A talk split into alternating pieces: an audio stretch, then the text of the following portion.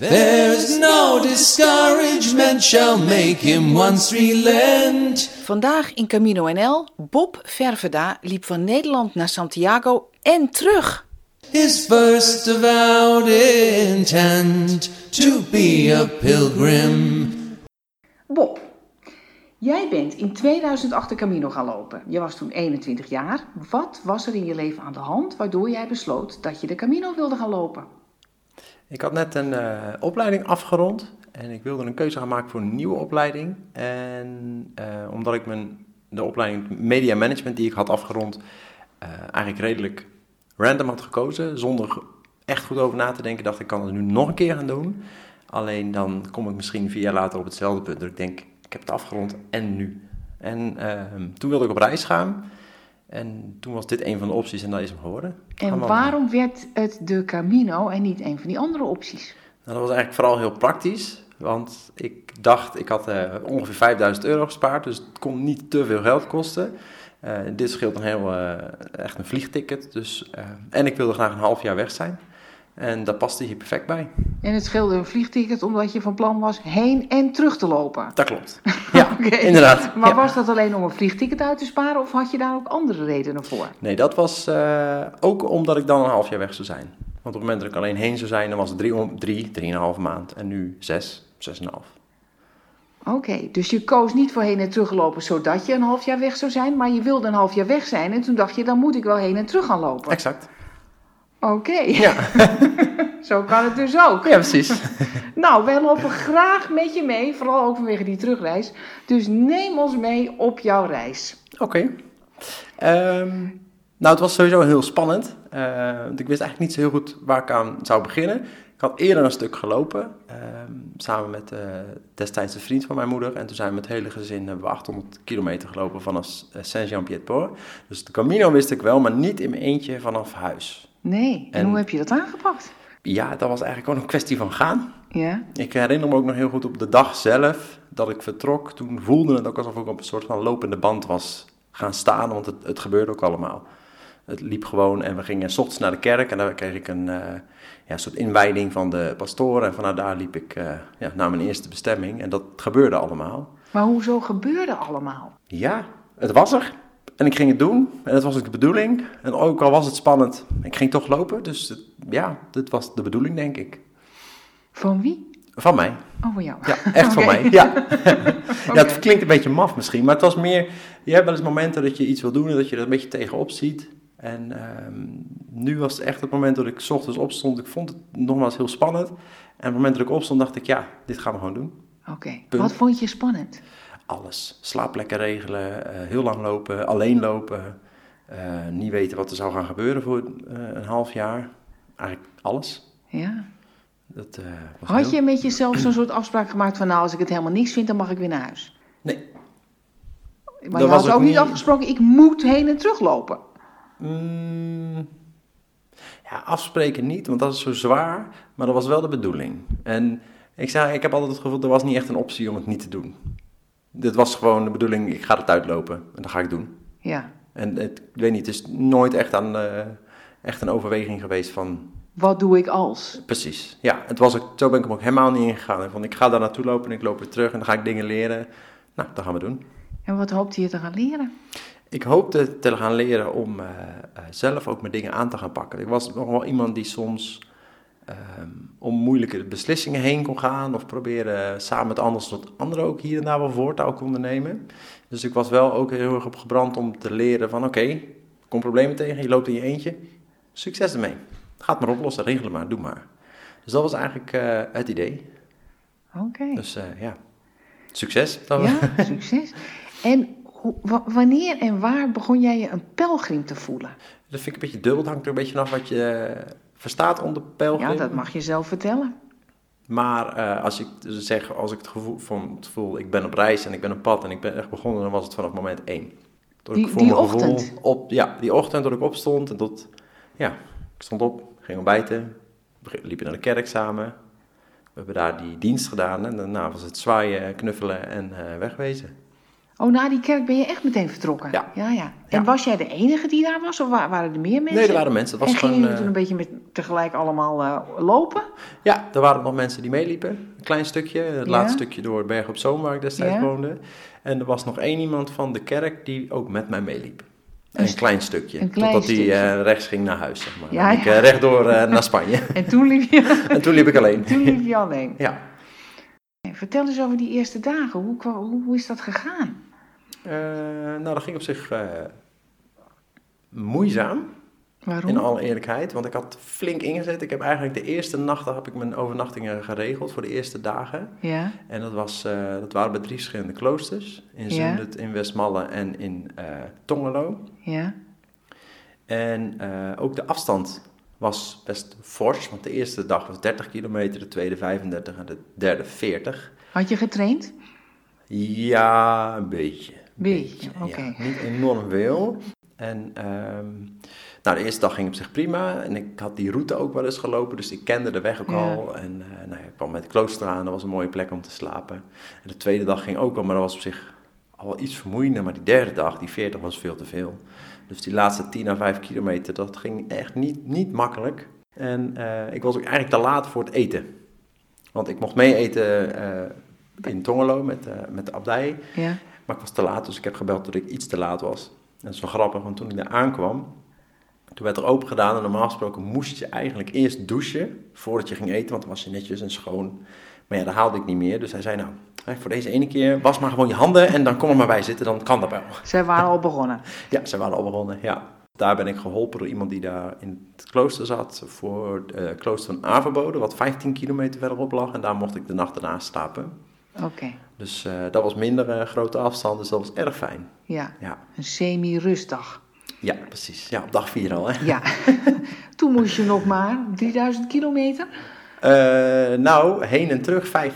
Ja, oké. Ja. Ja. Ja, dus toen Ja. moest ik nog heel veel. Ja. Ja. Dit waren eigenlijk wat dat betreft de rustige dagen. Want ik wou, een van de dingen waar ik echt heel erg tegenop zag was het regelen van een slaapplek. ja. En ehm Waarom eigenlijk? Waarom zag je er tegenop? dat vond ik spannend. Ik Waarom? vond het spannend om aan mensen te vragen van... Goh, eh, weet je een plek om te slapen? Mag ik bij u slapen? Heeft u plek? Eh, dat is Oh, maar het was ik... dus, er was zo weinig op die route dat je, dat je dat soort dingen moest gaan doen. Ja, Oké. ja. Maar wilde jij niet in hotels? Wilde je echt op, op een hele eenvoudige manier slapen, liefst? eh, ja, want ik had niet enorm veel geld gespaard. Dus ik- 5000 euro. 5000 euro had ik voor de hele reis. Dus, en dan moest ik het van doen. Dus eh, ja, als ik elke nacht in hotels zou slapen, dan... oh, daar ben je er eh, gauw doorheen. Ja. Dus je was ook bezig om het allemaal op een hele goedkope, Ja. eenvoudige manier te doen. Ja. En dat betekende dus dat je soms gunsten moest vragen. Ja, dat klopt. En da- daar had je nog wel moeite mee. Ja, en dat was dus ook een van de dingen waarom ik ben gaan wandelen, om juist dat soort dingen aan te gaan. Dus juist te gaan staan, nou ja, oké, je staat nou ergens in Frankrijk, België, het regent, In zo'n gehucht. in zo'n gehucht en je vindt het kei spannend, maar ja, succes ermee. Ja, dus dat was juist en de hoe bedoeling. pakte jij dat aan? Wat heb je daarover geleerd, over het vragen van hulp? Ehm, nou, ik, ik ben vooral aan mensen gevraagd of ze slaapplekken wisten in de buurt en of Ja. en uitgelegd wat ik aan het doen was. En, ehm, ehm, en dan maar hopen dat iemand iets wist, of me kon helpen, of zelf misschien een plekje had. En ik heb ook altijd een matje en een slaapzak mee gehad. En ik had een, ja, een trui en die kon ik vullen met andere kledingstukken, zodat ik ook een kussentje had. Dus ik hoefde nooit om een bed te vragen, maar eigenlijk alleen om een dak.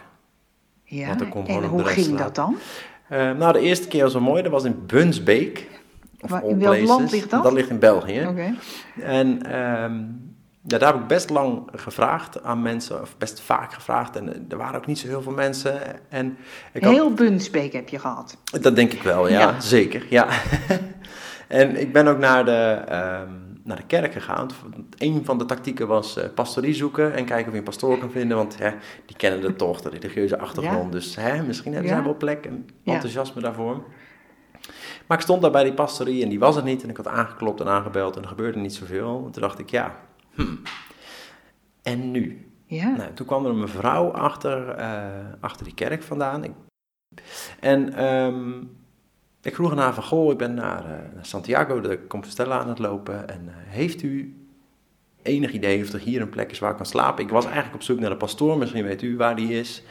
En ze zei, nou ja, ja, ik weet ook niet of onze pastoor daarvoor open staat. Ik ken hem wel vrij goed. Ja, die stond een beetje te wikken en te wegen. En die zei, ja, want hier in Tiene, dat is vijf kilometer verderop, daar is wel een hotel, maar dat is wel heel duur hoor. Dat is wel 90 euro per nacht. En toen dacht ik, dat moet ik niet doen, want dat heb ik helemaal niet dat geld. En die stond te wikken en te wegen en te bedenken. En op een gegeven moment vroeg ze, ben je bang voor honden? Dus toen zei ik, "Mm, nee. Zei, nou weet je, mijn zoon die is op vakantie, je mag wel in zijn bed slapen. Oh. Dus kijk. toen mocht ik met die mevrouw mee en die had een, eh, had een plekje voor me en ik kon douchen en ik had dus een bed. En eh, we hebben samen staan koken s'avonds, dus we hebben heel lang staan praten. En dat was eigenlijk een hele bijzondere ontmoeting. En ehm, ja, ze heeft ook veel verteld over wat zij had meegemaakt en, en waar ze mee liep. En s ochtends eh, had ze, was ze ook op tijd opgestaan eh, om een ontbijtje voor me te maken. Dus toen hebben we nog samen ontbeten en toen ben ik weer verder gegaan. En ja, ze, ze was in tranen toen ik wegliep. Dus het was een heel bijzonder... Waarom was ze in tranen, denk je? Ja, ik weet niet. Ik denk dat het haar ook wel iets deed. Ze was zelf haar man dan verloren. En dat was volgens mij nog niet zo lang geleden. En het was wel een bijzondere ontmoeting. Ja. Dus eh, ja, dat was... eh, En was dat nou exemplarisch voor hoe die reis verder is gegaan? Ik heb wel veel van dit soort momenten. Ja, En dat kwam dus ook doordat je moest vragen om een Ja. bed. ja wat, dat, wat dat betreft maakte dat de wel de reis. Want dat waren de meest bijzondere, de bijzondere ontmoetingen en de bijzondere overnachtingen. Want dat is achteraf gezien... Op het moment dat je bij een hotel of iets dergelijks binnenstapt, ja, dan Ja, ben je anoniem. Je belt, En- ja, je checkt nummer, in, ja. je- het gaat gewoon zoals altijd. Ja, en je voor niemand. niks. Nee, precies. Ehm, dus dit waren wel de momenten die het uiteindelijk heel bijzonder maakten. En was het moeilijk? Kreeg je ook vaak nee. Wel eens, is wel eens gebeurd. En Maar soms... toch niet zo vaak blijkbaar. Nee, Wat waren de succesfactoren? ja, goede vraag. Ik durf het zelf eigenlijk helemaal niet zo te zeggen. Ik denk, ja, geen idee. Mensen hebben mij wel eens teruggegeven dat ik er betrouwbaar uitzie. Ja, dat kan ik eh, luisteraars bevestigen. Ja, dus maar ja, goed, dat zeggen anderen. Ja, ik weet niet. Mogelijk. Dus ik denk dat dat wel, eh wel mee. Maar had je zelf ook nog dingen waar je speciaal op lette? Bijvoorbeeld ontdekte je, nou in kleine dorpjes lukt het veel beter dan in een grote stad, kan ik me namelijk zo voorstellen. Dat sowieso. Ja, Ja. ja. ja, ja. en, en het is ook vooral, ehm, en dat is ook achteraf, het is vooral ook heel veel leren geweest. Want de eerste keer was het heel, wat ik al aangaf, super spannend en zenuwachtig. En het was ook gek om bij iemand thuis Ja. te zijn en die dan gaat koken en je krijgt een ontbijt. En dan denk ik, ja, ik krijg wel heel erg veel. Dus dat is best wel maf. En dat voelde ook heel onwennig. Ja. En op een gegeven moment wende dat wel. En je leert op een gegeven moment wel ehm, hoe je aan die slaapplekken komt. Want bijvoorbeeld in Frankrijk zijn er altijd... ehm, ieder dorp heeft vaak wel een pand dat leeg staat. Ja, En in dat dorp is er altijd iemand... Of het is de gemeente, of het is iemand Ja. die uit naam van de gemeente de sleutel heeft. En dat pand eigenlijk beheert. Dus op een gegeven moment was het ook een beetje de truc om te zorgen erachter te komen... wie heeft die sleutel, ja. want dan heb ik een slaapplek. Dan Dus- had je dat gebouw al zien staan, maar dan dacht je nu de sleutel nog. Ja, of soms had je het gehoord en dan kon je ook naar vragen. Dus dan kon je bij mensen vragen van... Goh, is hier ergens een plek dat leeg staat? Heeft er iemand de sleutel? Of als het door de week was het gemeentekantoor... dat er misschien, of het gemeentehuis wat open was... en dan kon je het daar vragen. En in Rijms ben ik... Dat is een grote stad. Dat is een grote stad. Daar eh, ben ik in contact gekomen ook met de pastoor van de grote kerk, van de kathedraal. En die gaf mij een lijst. En die lijst die liep aan tot aan Vezelé. En daar lagen alle dorpjes die daartussenin lagen, had hij dan een telefoonnummer en een naam staan van degene die de sleutel had van die Aha. ruimtes. Oh, Dus vanaf dat moment werd het weer wat makkelijker. ja. Mits er ook echt een ruimte was en soms kon je die persoon niet bereiken. Maar dan lag je wel dus alleen in die ruimte. Ja. Dat was niet meer zo gezellig bij zo'n mevrouw. Die, Nee, eh, nee. Dus dat was eigenlijk de uitzondering. Dat je bij een particulier thuis kwam te logeren die eh, je een beetje ging vertroetelen. Eh, ja, nou dat is inderdaad wel een uitzondering. Er zijn wel een aantal momenten geweest, maar ja, er zijn, het zijn heel verschillende momenten inderdaad, of, of slaapplekken geweest. En ook die lege ruimtes verschilden ook, want sommige, daar was niks. Daar had je gewoon een ruimte en dan legde je spullen neer en dan, ja, dan kocht je een broodje met een stuk kaas en dan ging je naar eten. Ja, En andere ruimtes waren, er stond een keukentje en er was een bed. En maar die waren dus eigenlijk bedoeld voor pelgrims. Want dat Soms je wel. ook te hebben in Frankrijk. Ja, ze zeggen dat ze, dat ze in Frankrijk zelfs bij wet verplicht zijn Ja, om mensen onderdak te bieden. Maar Ja. En hoe zat het onderweg met andere pelgrims door Frankrijk heen? Eh, nou, in het begin waren dat er niet zoveel. Ik heb ehm, de eerste, het klinkt heel weinig, dus de eerste week heb ik helemaal alleen gelopen. En op een gegeven moment kwam ik iemand tegen uit Den Haag. En eh, met hem heb ik een, ja, denk een dag of twee, drie samen gelopen. En op een gegeven moment zijn er nog een, Nederlandse man uit Dongen, hier vlakbij toevallig, eh, tegengekomen. En die heb ik vervolgens niet meer gezien, maar die man uit Den Haag, Bert, Die ben ik gedurende mijn hele heenweg nog steeds teruggekomen, tegengekomen. Die liep dus ook alleen. Ja, die liep ook alleen. En die man uit, uh, ja, Frans, we noemen hem Frans, uit Dongen, die liep ook alleen. En uh, we hebben nog een paar dagen ook met z'n drieën gelopen, maar dat was het eigenlijk. En Ja. voor de rest kwam ik in Frankrijk tot aan, ja, tot aan de Pouille heb ik eigenlijk of alleen of met een van hen gelopen. Dus er liep bijna niemand op dat stuk. Nee. Nee. En je zei, je had, je had tijd om na te denken, maar dacht je ook na? Ja, Waarover? Eh, nou, in het begin de spanning. En op een gegeven moment, hoe doe ik dat? En het wordt beter en het lukt me wel. Ja. En ehm, er was op een gegeven moment een moment dat ik ehm, ook begon te merken dat ik heel erg aan mijn vader dacht. Mijn vader is overleden Ja. toen ik eh, bijna elf was. ja. En- Dus tien jaar daarvoor zo'n beetje? Ja, exact, tien jaar daarvoor. En dat eh, begon op een gegeven moment, begon ik daar ook heel veel over na te denken. Die had ik niet per se aanzien komen. Nee? Nee. En ik weet nog op het moment dat ik eh, in Vezele aankwam. En is ook een, ehm, een redelijk bekende plaats voor mensen die naar Santiago Een knooppunt, lopen. Een knooppunt, Ja. inderdaad. En dat ligt op een, dat is eigenlijk een klein dorp, een hele grote kerk. En dat ligt boven op een berg. Ja. En ik denk zo'n half dag voordat we er waren, zag ik het liggen. Ja. En dan zie je eigenlijk een dal en dan de berg met de kerk die je dan, de contouren van de kerk zie je. Ja. Eh, en het laatste stukje is dus flink klimmen. En ik liep op dat moment met Frans uit Dongen. En ik kwam een VCL aan en die klim die was best wel pittig. En daar had ik echt het gevoel dat mijn vader bij me was.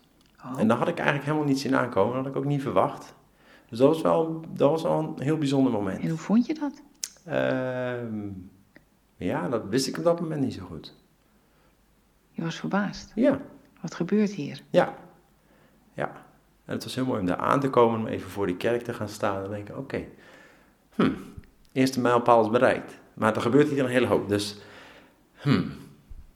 Ja, dat was, eh, ja, dat was uiteindelijk ook wel een heel belangrijk moment. Want dit kwam daarna ook veel vaker terug. Dat je eh, het gevoel had dat je vader weer bij je liep? Nou, niet specifiek dat gevoel, maar wel eh, het thema. Dus echt het, dat ik over mijn vader dacht en toen ik ermee bezig was. En toen ik daar had ik nog wel iets te verwerken. En dat is mooi, want dat was helemaal niet de aanleiding. Nee, nee de aanleiding dat was wist je eigenlijk... helemaal Nee, precies. En ik denk dat dat ook heel goed is geweest om daarachter te komen dat dat dus nog zo speelde. En dat ik daar nog iets te doen had. En wat denk je dat er daardoor veranderd is in jou? Ehm, nou, heel veel. Want de aankomst in VZL was echt van het gevoel dat hij erbij is. En dat deed wat met me, daar werd ik ook verdrietig van.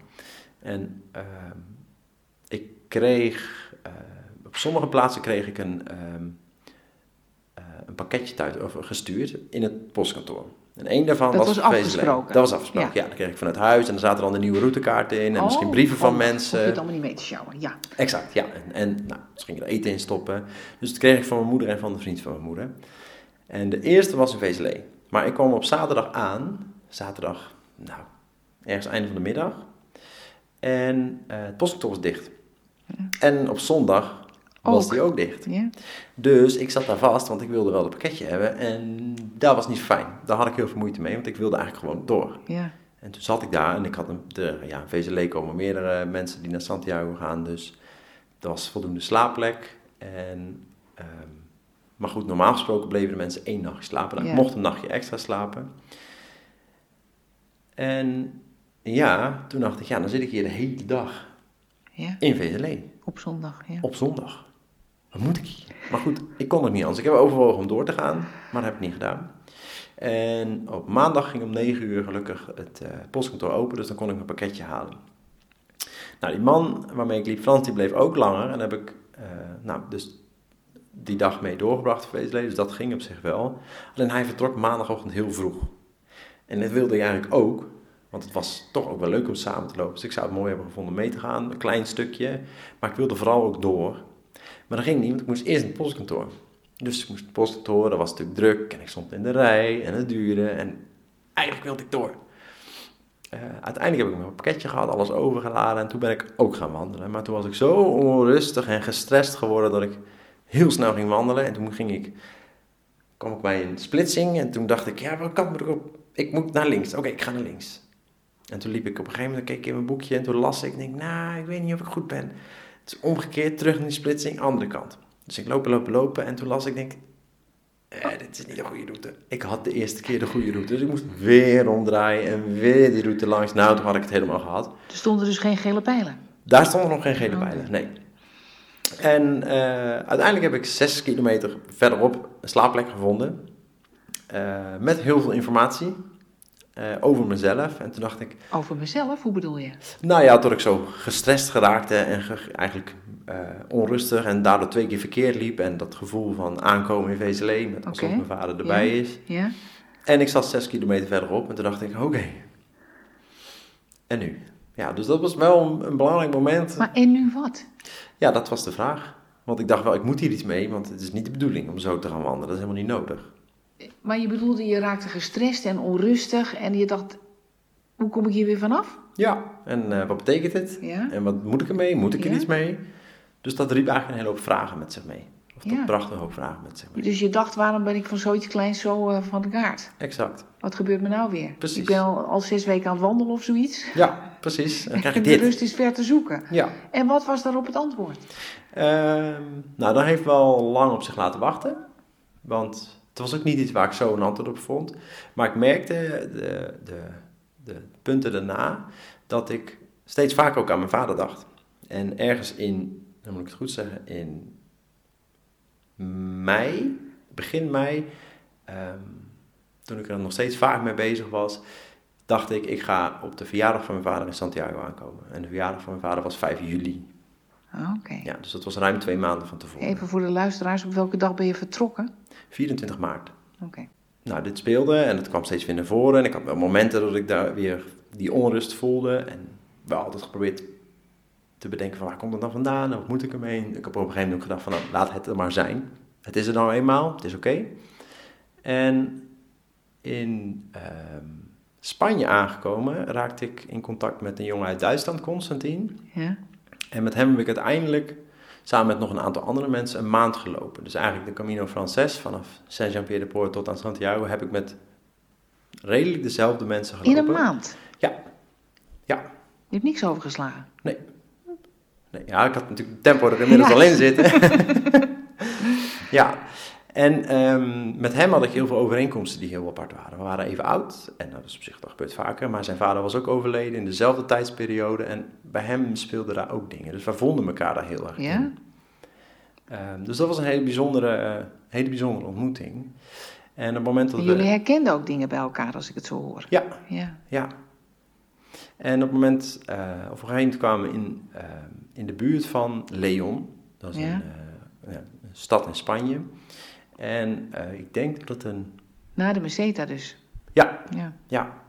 Ik denk dat we daar een week ervoor waren. Dan kreeg ik last van mijn knieën. Dus op de Meseta kreeg je dat. Dat weet ik niet meer zo goed of het daar Hmm. precies was. Ehm, maar ik kreeg daar op een gegeven moment eh, best wel pijn aan mijn knieën. En er was een man, die had ik eerder gesproken, en die was, eh, was een homeopaat. Ja. En Die liep ook. Die liep ook, was ook een wandelaar, ja. En eh, hij, we hadden, ik had een keer met hem geschaakt en eh, we hadden vaker gesproken. En op een gegeven moment had ik last van mijn knieën en dat had ik verteld, want hij haalde me in. En hij zei, hoezo, normaal loop je veel sneller.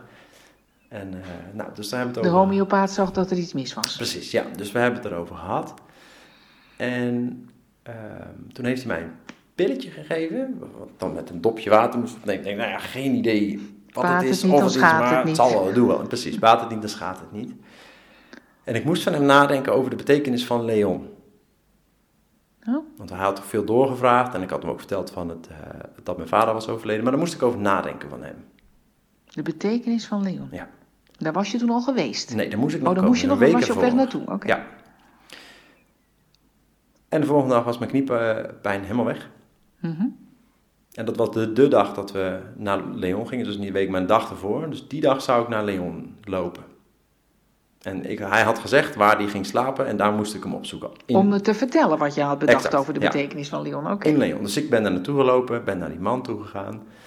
En op een gegeven moment vertelde hij dat het kwam Maar door wacht het... even, had je bedacht wat de betekenis van Leon was in de tussentijd? Mm, ja, ik had wel een poging gedaan. En het enige wat ik kon bedenken was leeuw, omdat het lijkt op het, lion. Ja. Precies, en dat betekent het ook. Eh, blijkt achteraf. Ja, oh, dat wist je niet. Nee, dat wist ik op dat moment niet, maar ik dacht wel, nou ja, dat, dat zal wel. Ja, Ehm, nou, toen ben ik, heb ik hem daar opgezocht. Toen hebben we het erover gehad. En toen zei hij, de pijn in je knieën komt omdat je vader is overleden. Oh. Toen dacht ik, ho, vertel. Ja. En eh, hij zei, eh, Leon, Leo, en dat staat symbool voor vader. Dus je komt Oh. in plaats, of je komt in de buurt van de plaats die symbool staat voor vader. En Leon is ook weer, eh, na Leon wordt het klimmen, dus dan ga je hoger en dan kom je dichter bij de hemel. En daar zit je vader, dus dan kom je dichter bij het probleem, was zijn symboliek. En daarbij vertelde hij, waarom dan je knieën? Dat is dan het symbool voor knielen voor de vader. God in dat Oh, geval. Dus dat was een hele uitleg waarom dat was. En wat dacht je toen je dat hoorde? Ik was weer verbaasd. Om het zomaar even plat te zeggen nu. Ja, ja dat... Maar ja. dacht je, gut, zou het zo zijn? Of dacht je, nou... Nee, dat was het wel, denk ik. Zeker omdat het al zo vaak terug was gekomen. Ik heb er veel over nagedacht. Ik had besloten... Jij dat ik- dacht, hier zit wat in. Ja. Ja. ja. Ik had natuurlijk besloten om op 5 juli op zijn verjaardag aan te komen. Ja. En ik had het gevoel dat hij erbij was en dat soort dingen. Ehm, dus dat was... eh, ja... Ook wel eens ja, schrikken, verbaasd. Nou, vervolgens ben ik verder gelopen en ik liep nog steeds met die jongen. En er waren een aantal andere mensen bijgekomen. We waren een groepje van zes. En met die, ja, met die zes hebben we praktisch het hele stuk gelopen. En we waren op de dag voor Santiago. ehm, nou, toen was ik van plan, ik ga ergens slapen, niet heel ver, nog een kilometer of 15 tot 20 van Santiago vandaan. Alleen de rest van de groep was enthousiast geworden en die dachten, ja, we zijn dichtbij, kom, we gaan ervoor. Dus die, wil, die gingen door. En zij gingen allemaal ja. door op de vierde en ik dacht, ja, Oh ja, dat kan niet. dan Want dan ben ik, dan ben ik te vroeg. Dus dat gaat niet. Dus toen heb ik gezegd, dan zie ik jullie morgen wel. Dan ga maar en dan eh, loop ik morgen zelf. Nou, toen kwam die stress weer, die ik in VCL ook had gehad. Want toen dacht ik, ja, ik wil eigenlijk ook met hun mee, maar ik wil eigenlijk ook op de vijfde. En ik heb uiteindelijk toch voor mezelf gekozen. En ehm, dus ik ben daar gaan blijven, ik ben daar gebleven. Maar vanuit die onrust ben ik 's ochtends heel vroeg opgestaan, om vier uur s'nachts. En ik ben eigenlijk aan het einde van de nacht ben ik gaan lopen. Dus rond, nou, volgens mij spullen inpakken, 10 minuten werk, kwart over vier, zoiets ben ik vertrokken. Met een lampje op mijn hoofd en heb ik s'nachts ben ik door de eucalyptusbossen naar Santiago gelopen. En ik kwam om 9 uur s ochtends aan. En toen dacht ik, nou, dit is het moment. Ja, Dit is het.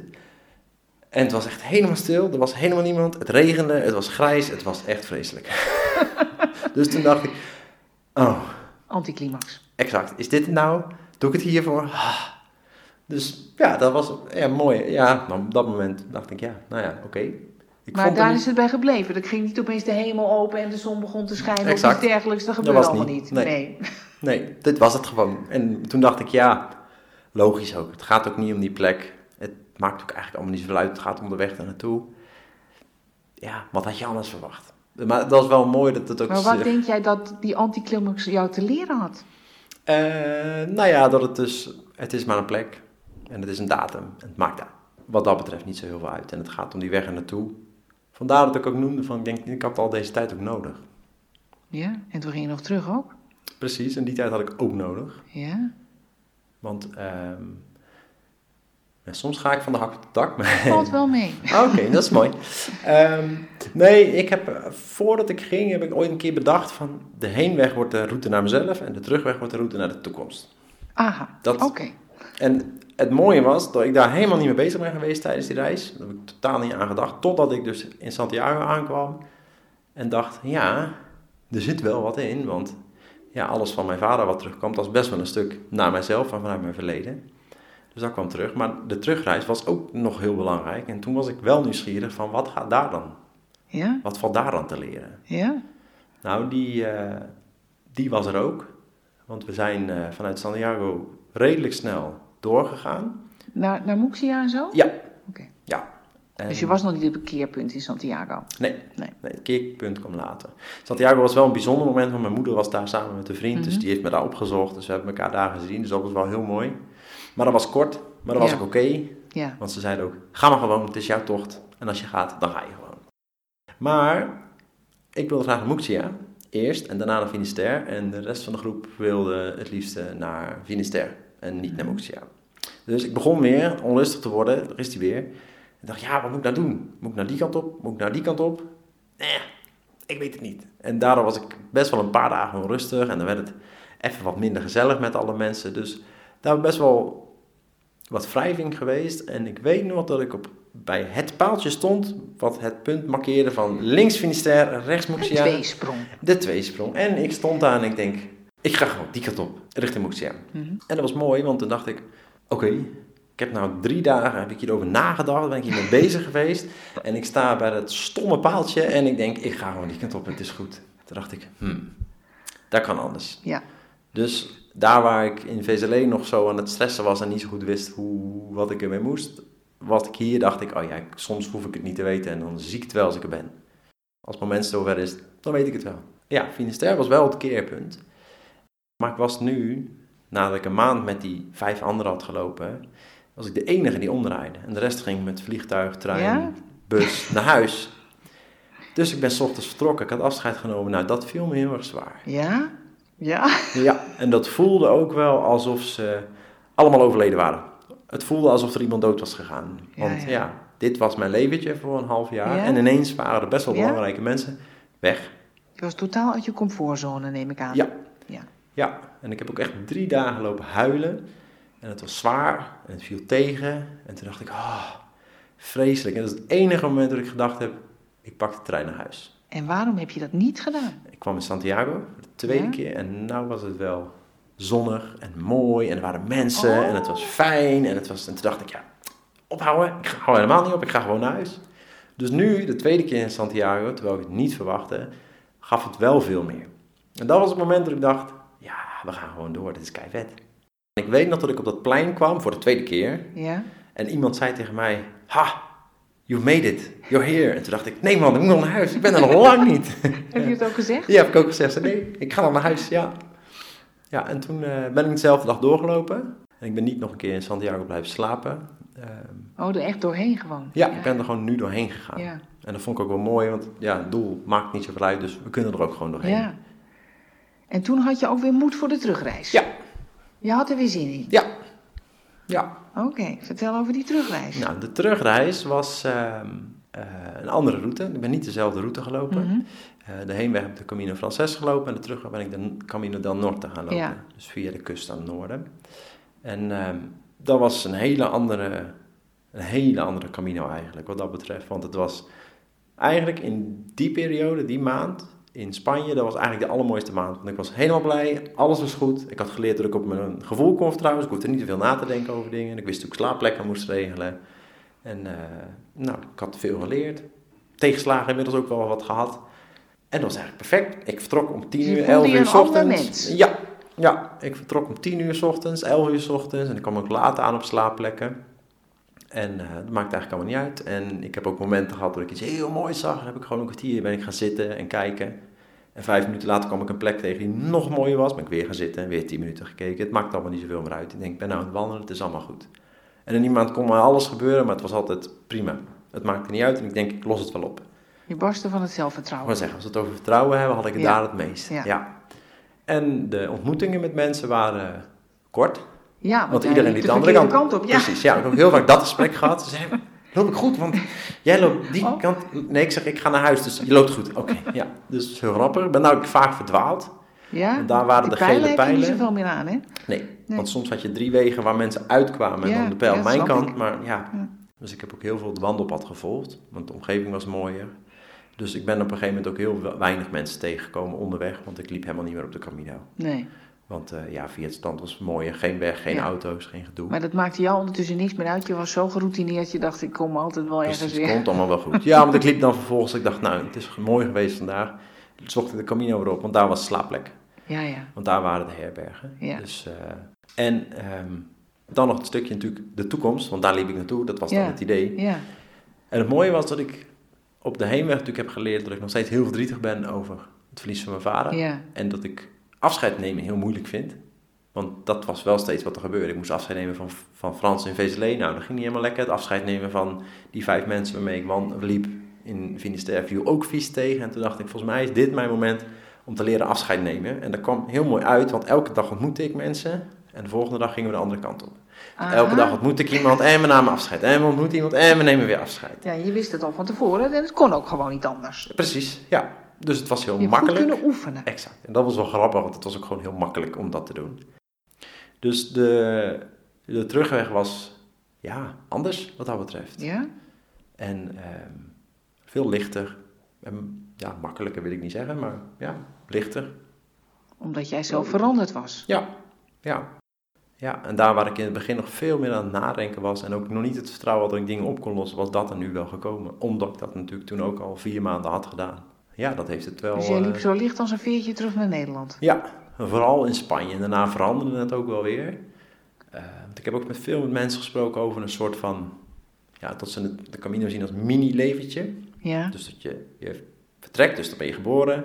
En de eerste maanden ben je ja, kind en dan ben je alles aan het zoeken. En dan weet je nog niks, dan moet je nog leren hoe alles werkt. Nou, dat had ik natuurlijk ook met slaapplekken zoeken en, en mensen leren kennen. Nou, dat soort dingetjes. En op een gegeven moment word je, ja, kom je in de... Mensen zeggen het adolescence Ja. die fase en dan lukken de dingen niet zo goed en dan loopt het niet zo goed en dan komen er moeilijke dingen op je pad. Nou, dat gebeurde bij mij natuurlijk ook. En op een gegeven moment ben je volwassen en dan weet je wel hoe het voor jezelf moet, maar anderen helpen, nou dat is nog wel lastig. Maar voor jezelf dan weet je in ieder geval een beetje hoe werkt het, wat moet ik wel doen, wat moet ik niet doen. En op een gegeven moment word je ouder en wijzer, kun je andere mensen helpen. Maar als je terugkomt, dan is het klaar. En dan kun je het vergelijken met de dood. Dat Als je terugkomt thuis, Thuis, bedoel je? ja. Mhm. Ja, Oh, dat is dan de dood. Nou, Ja, leuk hè? Enthousiast word je hiervan hè? nou ja, het is wel mooi, want dan is natuurlijk wel je Camino ook voorbij. En Ja. ja, ja na zes, zes en een halve maand is het ook wel spannend van ja, en dan? ja, hoe kom je, ja. En hoe kom je Hoe dan weer terug? integreer je weer? Nou, precies. Dus in die zin past de metafoor ook wel. En dat was in de terugreis wel. En ik merkte ook aan de omgeving. Ik ben in maart vertrokken met sneeuw. En het was koud. En het was nou, met truien aan. Maar goed, vervolgens liep ik in de zomer in Zuid-Frankrijk en in Spanje. Weer in Zuid-Frankrijk. Dus was het lekker weer. Maar ik ben in oktober teruggekomen. Dus het was weer in de herfst. Dus het weer veranderde ook. Ja, En naarmate ik in de buurt kwam van het noorden van Frankrijk en in de buurt van, van België, ehm, werd het ook ja, kouder, regenachtiger. En eh, de laatste nacht was op dezelfde plek als mijn eerste nacht. was op het klooster Oh. van Zundert. Dus dat was wel mooi. kenden ze je nog? Ja. Ja, Was je nou wel op tijd voor het eten? ja, nou was ik op tijd voor het eten, ja zeker. ja, het was leuk, want de eerste keer eh, mocht ik ook met de broeders mee eten. En toen hadden we het erover gehad en ik vertelde wat ik ging doen. En hij vond het allemaal interessant. En eh, toen ik terugkwam, deed hij de poort open en hij zei... Je hebt het gehaald, zei hij en hij spreidde zijn arm uit. En eh, ja, dat was, hij heeft zelfs mijn voeten gekust. En hij Oh. zei tegen mij, hij zei, ja, toen jij hier was... De eerste keer toen heb ik getwijfeld of je het zou halen, maar het is je wel gelukt. Ja? Dus dat was, dat was een hele Ja? mooie, mooie afsluiting. Ja? Ja, en toen eh, was het nog één keer 30 kilometer naar huis. Ja? En Ja. toen was je weer thuis? Toen was ik weer thuis. Ja, Dat is ook, eh, dan doe je de, deur, de, de sleutel weer in de deur en Ja. dan zit je weer in je huis. ja. En hoe was dat? Eh, wennen. Ja, Wennen. een understatement van het jaar. ja, precies. Ja. Ja, de, de aankomst heeft wel veel geholpen. Want ik ben eh, naar het plein gaan lopen, de grote markt in Bergen op Zomer. Daar stonden mijn familie en mijn Oh, moeder. En, dus dat was een soort, soort vierdaagse Santiago eh, ja. aankomst. Ja, precies. Ehm, ja, de eerste nachten was ja, onwennig. Ja, En gek, alles is thuis. En je hoeft niet meer te lopen en weer mensen zien. Verhalen vertellen, heel vaak, heel Ja. veel verhalen vertellen. Maar ja, dat was me af. En dan was jij ook van plan om na te denken over wat je dan wel wilde gaan studeren. Hè? Ja. Maar daar heb je nu nog helemaal niks over verteld. Nee, dat klopt. je- dat is ook nog gebeurd, ja. Ja, Ja, dat is vooral de terugweg inderdaad geweest. En ehm, ik vond eigenlijk, ehm, om dit soort dingen te leren over jezelf en leren hoe het werkt bij jou. En wat bij jou past en wat niet. Dat vond ik eigenlijk heel mooi. En toen kwam ik uit op leraar zijn. Dus ik heb eigenlijk op de Camino besloten om ja, leerkracht te worden in het basisonderwijs. Ja, mijn idee was vooral, ik wil eigenlijk kinderen helpen om zich te kunnen ontwikkelen zoals zij zijn. ja. Dus niet van we gaan het allemaal in kaders gooien en dit moet en dat moet en zus Ja. moet. Maar ja, jij bent zoals jij bent. En ik stel wel de vraag om je om, ja, met je mee te ontwikkelen eigenlijk. Of om mee te kijken. Ja. Dus om af en toe een goede vraag te stellen. En je hebt die opleiding afgemaakt en nu Ja. sta je voor de klas. Wat heb je voor, welke groep heb je? Eh, groep 5. Oké. En hoe is het? Nou, die doe je alweer een tijdje dan waarschijnlijk inmiddels, hè? Ja, ja, ik heb veel voor groep 5 staan. Dit is het eerste jaar dat ik nu heb ik eigenlijk geen klas.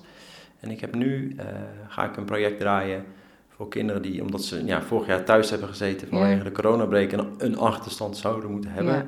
Ehm, maar dat is niet helemaal de insteek. De insteek is vooral dat we ons onderwijs willen vernieuwen. En ik heb nu het hele jaar om via een project onderwijs aan te bieden voor kinderen die dat nodig hebben en voor wie het past. Ja. Dus we gaan een kinderpersbureau oprichten. Oh, leuk. Dus het is een totaal andere manier van onderwijs maken, maar dat is ook wel tekenend. Het onderwijs met, met kinderen omgaan is heel leuk, maar in een klas is het ook wel heel beperkend. Je moet dingen, je moet lessen Ja, geven. dat hele regime van nu eh, rekenen en dan dicté. Exact, En, eh, ja. ja. Ja, en er is weinig ruimte om echt met kinderen bezig te zijn. Om ja, te kijken wie ben jij, hoe doe jij dingen, wat ga je ervan leren, wat wil je dan. Dus ehm, ja, het heeft die dingen wel, maar niet zo heel veel. Dus hoe dat zich gaat ontwikkelen, geen idee. Jij zou een wat vrijere rol willen. Zeker, ja. Zou de Camino daar iets mee te maken hebben? Ja, mogelijk. Ja, dat zou kunnen. Ik was wandelen met die kinderen. Die heb ik ook wel eens gedaan. Weten Ja. zij over jouw, eh, jouw tocht door Europa? Sommige, ja. Maar dat heb je niet in de klas behandeld. Mm, niet het is altijd. niet een terugkerend thema in de les. Nee, Bij aardrijkskunde, bij Nee. geschiedenis. nee. Nee? Nee, nee, ik heb het er wel over met de kinderen. ehm, maar het verandert ook. Het is inmiddels ook al ruim tien jaar geleden, zeg ik. Het is Ja, al twaalf jaar geleden. En ik merkte dat ik dat in mijn beginklas heb ik dat wel meer gedaan. Dan heb ik het ook verteld en de foto's laten zien. En dat is wel minder geworden. Ja, oké. En heb je nou wel in het onderwijs je bestemming gevonden? Eh, nee. Oh, Nee. ze moet nog een keer. ja, nee, maar ik denk dat ik nu eh, voldoende tools heb om het, eh, om het hier ook aan te pakken. De dingen die ik geleerd heb op de Camino doe ik dan nu ook wel. Want ik merk van niet helemaal mijn plek is, dus ik onderneem actie. En dan ga ik zoeken Ja, van wat wel en hoe ga ik het doen. En ga dat proberen. Dus Je hoeft niet alles overhoop te gooien. nee, precies. Maar met kleine aanpassingen ga je het gewoon naar je hand zetten. Precies, Dat heb je dus ook geleerd, blijkbaar. zeker weten, ja. En dat is mooi, want dat was natuurlijk wel de aanleiding ook. En dat was ook een terechte. Om echt te leren van, nou ja, iets loopt niet, iets lukt niet of iets is moeilijk. En nu? Ja, Wat dan? ja, En daar heb ik wel mee leren omgaan. blijkbaar. Ja. Wat is nou volgens jou al met al het geheim van de Camino? Waarom gebeuren nou dit soort dingen waar jij over zit te vertellen? Nou, ik denk dat dat hem is omdat er weinig is. Je hebt niet heel veel meer dan jezelf. Dus het is in die zin confronterend, want je loopt nou eenmaal met je lijf en dan voel je dingen en je denkt dingen. Ja, that's it. Meer is er niet. Dus je hebt er ruimte voor. En ik denk, het dient zich aan. Op wat voor manier dan ook. Ja, ja, dus jij denkt het, het lag al een tijdje te wachten om zich aan te dienen, maar in het alledaagse leven zijn we veel te veel prikkels en dan gebeurt er niks. Ja, weet je, op het moment dat je aan het werk bent, dan ben je een drukke dag, eh, ben je van alles aan het doen. Dan denk ik dat je als mens heel goed bent om het te onderdrukken wat er speelt. En s'avonds ben je aan het ontladen, eh, of je gaat dingen doen, afspreken, Gaat sporten, weet ik veel, de tv gaat aan. En ik denk dat je dan minder de ruimte neemt om eh, open te staan voor wat er belangrijk is op dat moment. Totdat je lijf echt zegt, en nou is het klaar, maar dan ben je vaak wel verder van huis. En op het moment dat je wandelt, dan is het primair eigenlijk. Je loopt s ochtends weg. Je gaat een dag lopen, je zorgt voor eten, je zorgt dat je kan slapen en de volgende dag doe je het weer. Ja, en that's it. Misschien een hele gekke vraag, maar hoe denk jij nou dat jouw leven eruit zou hebben gezien als je helemaal niet die Camino was gaan lopen? Dus we zijn gewoon weer tien jaar geleden, hè? je had niet die opleiding media manage- management af. Je had geen idee van de Camino. Ja, geen idee. Je Geen kan- idee. Je kan het je blijkbaar niet voorstellen. Nee, nee, nee. Dat- nee, geen idee. Ik kan alle kanten op gegaan zijn. Maar ik denk wel dat ik meer eh, dingen omzeild zou hebben. Dus waar ik nu denk van nou, het loopt niet helemaal lekker of ik voel iets, dat ik daar ook ruimte voor neem. En ik denk nou, ik ga ermee aan de slag, dat ik dat vroeger anders had gedaan. Dat ik dan minder open stond voor hoe het met me is eigenlijk. Een belangrijke verworvenheid. Ja, dat denk ik ook. Ja, en daar ben ik ook wel heel blij mee. Dat begrijp ik. Ja, Dankjewel. dankjewel. Ja, luisteraars, op dit moment zette ik het opnameapparaat uit, maar het gesprek ging nog door. Dus luister nog even verder. Nou, wat vond je ervan? Ja, top. Ja, hè? Ja. Ging goed, hè? Ja, zeker. Het is wel maf hoor, om het zo te vertellen. Waarom? Normaal eh, bespreek ik fragmenten van de Camino. Nou loop ik hem Ja, ja, ja, ja, oké. Ja. Maar goed, dat is natuurlijk ook de bedoeling. Maar Dat is ook de bedoeling, ja. Ja. Ja, ik vond het interessant. Ja. Ja? Ja, ik heb ook het idee, we gaan het nog even aanzetten, dat jij die Camino nodig had. ja, dat denk ik ook. En Ja. denk je dat je dat ergens ook wel wist? Of wist je dat helemaal niet en ging je een soort avontuur aan? En... Mm, ik denk dat ik het op voorhand niet wist. Maar dat er ergens in mij wel iets zat dat dacht, we moeten even iets anders gaan doen. Zeker omdat ik alles wat er gebeurde, het, het stukje afscheid nemen en, het, en mijn vader, dat ik dat totaal niet heb zien aankomen. Dus Nee. misschien dat ik dan onbewust wel wist, dit is nodig. En Maar niet waarom. Wat zeg ik? Maar niet waarom. Maar niet waarom, nee. En tot ik juist een half jaar even helemaal eruit en even helemaal tot mezelf, ja, helemaal alleen zijn, nodig had om erachter te komen waarom dan eigenlijk. Maar ik denk zeker dat ik hem nodig had. Als ik ook terugkijk op mijn leven, dan zijn dat wel twee hele belangrijke pijlers. Mijn vader en de Camino. Wat denk, je- wat denk je dat je vader van dit verhaal zou denken? Stel, hij kan die podcast beluisteren. wat denk je? Ja, mooi. Ja, Ja. Dan zou ik hopen dat hij trots is. ja, Maar dat zal wel. denk ik ook, ja. Who would true valor see? Let him come hither. One here will constant be, come wind, come weather. There's no discouragement shall make him once relent his first avowed intent to be a pilgrim. Whoso beset him round with the dismal stories Wil je meer weten over de Camino? Kijk dan eens op de website van het Nederlands Genootschap van Sint-Jacob, www.santiago.nl. Suggesties voor deze podcast kun je mailen naar mij, post.johannakroon.nl. En als je deze podcast interessant vindt voor je vrienden, zou je er dan op Facebook een berichtje aan willen wijden. Het lied dat je hoort is een Engels pelgrimslied uit 1684, getiteld Who Would True Valor See, gezongen door Alistair Thompson op zijn CD Log Rise Revisited. Tot de volgende keer. Who would true him come hither. One here will constant be, come wind, come weather. There's no discouragement shall make him once relent his first avowed intent to be a pilgrim.